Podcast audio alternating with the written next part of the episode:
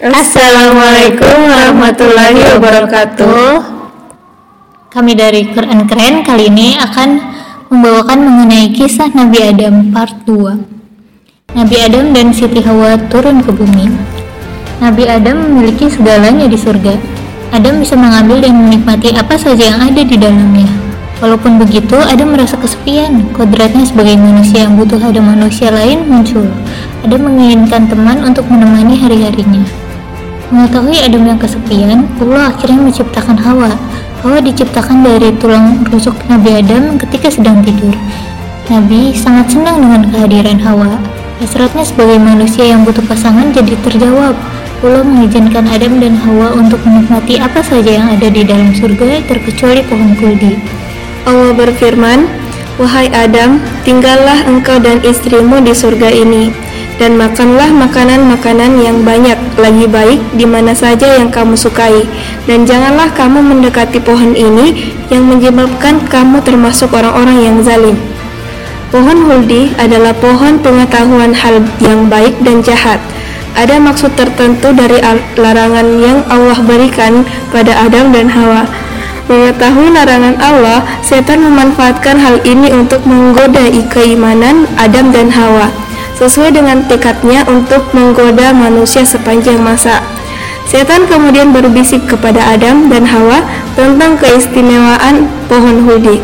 Kisah ini tertulis di Al-Quran Surat Taha ayat 120.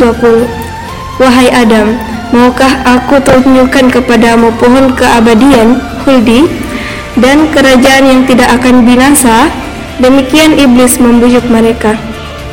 Wildi sendiri merupakan nama pemberian iblis. Iblis menghasut Adam dan Hawa dengan mengatakan maksud Allah melarang mereka bahwa Allah disebutkan oleh iblis tidak mau membuat Adam dan Hawa kekal. Iblis dengan penuh semangat merayu mereka untuk memakan buah terlarang.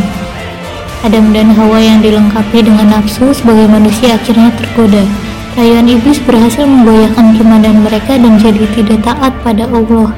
Ketika Adam dan Hawa makan buah kuldi, sesuatu yang memalukan terjadi.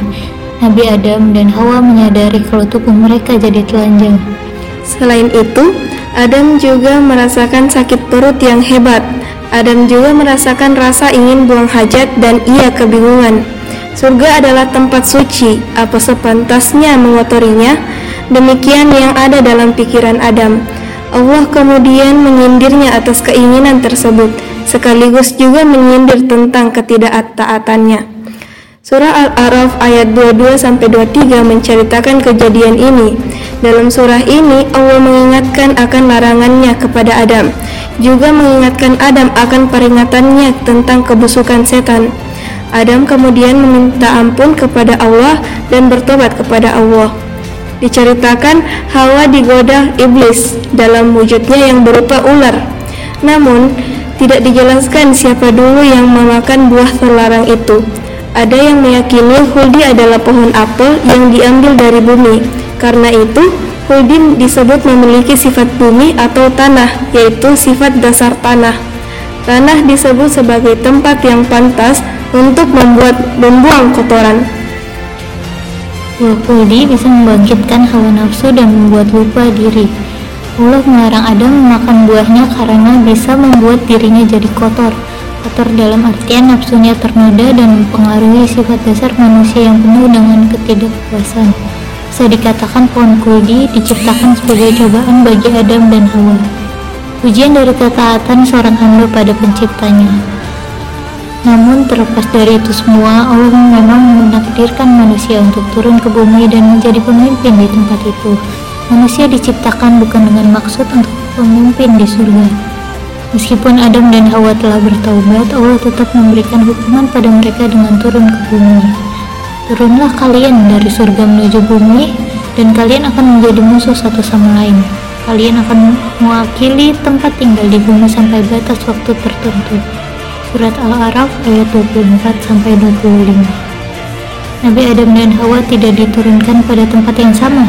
Nabi Adam diturunkan di puncak Bukit Sri pada di di daerah Sri Lanka, sedangkan Hawa diturunkan di daerah Arab. Mereka berdua bingung dan sedih karena diturunkan terpisah. Namun Adam dan Hawa yakin satu sama lainnya akan saling bertemu lagi. Lalu setelah 40 hari mereka pun dipertemukan kembali oleh Allah di Jabal Rahmah. Nabi Adam dan Hawa memulai kehidupan baru sebagai manusia biasa. Diceritakan mereka diturunkan ke bumi dengan membawa dosa atas ketidaktaatannya di surga.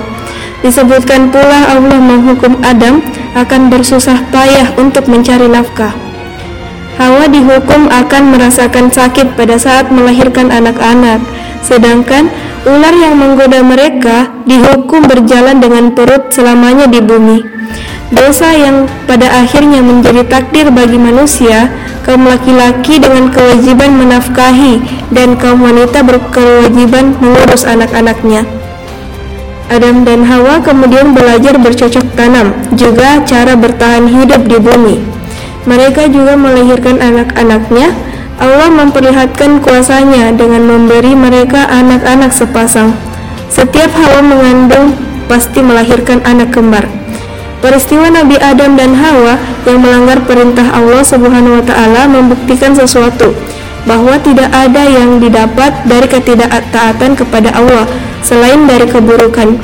Hal ini sekaligus menjadi pengingat bagi kita umat manusia di seluruh muka bumi. Itu dia kisah Nabi Adam. Semoga bermanfaat. Wassalamualaikum warahmatullahi wabarakatuh.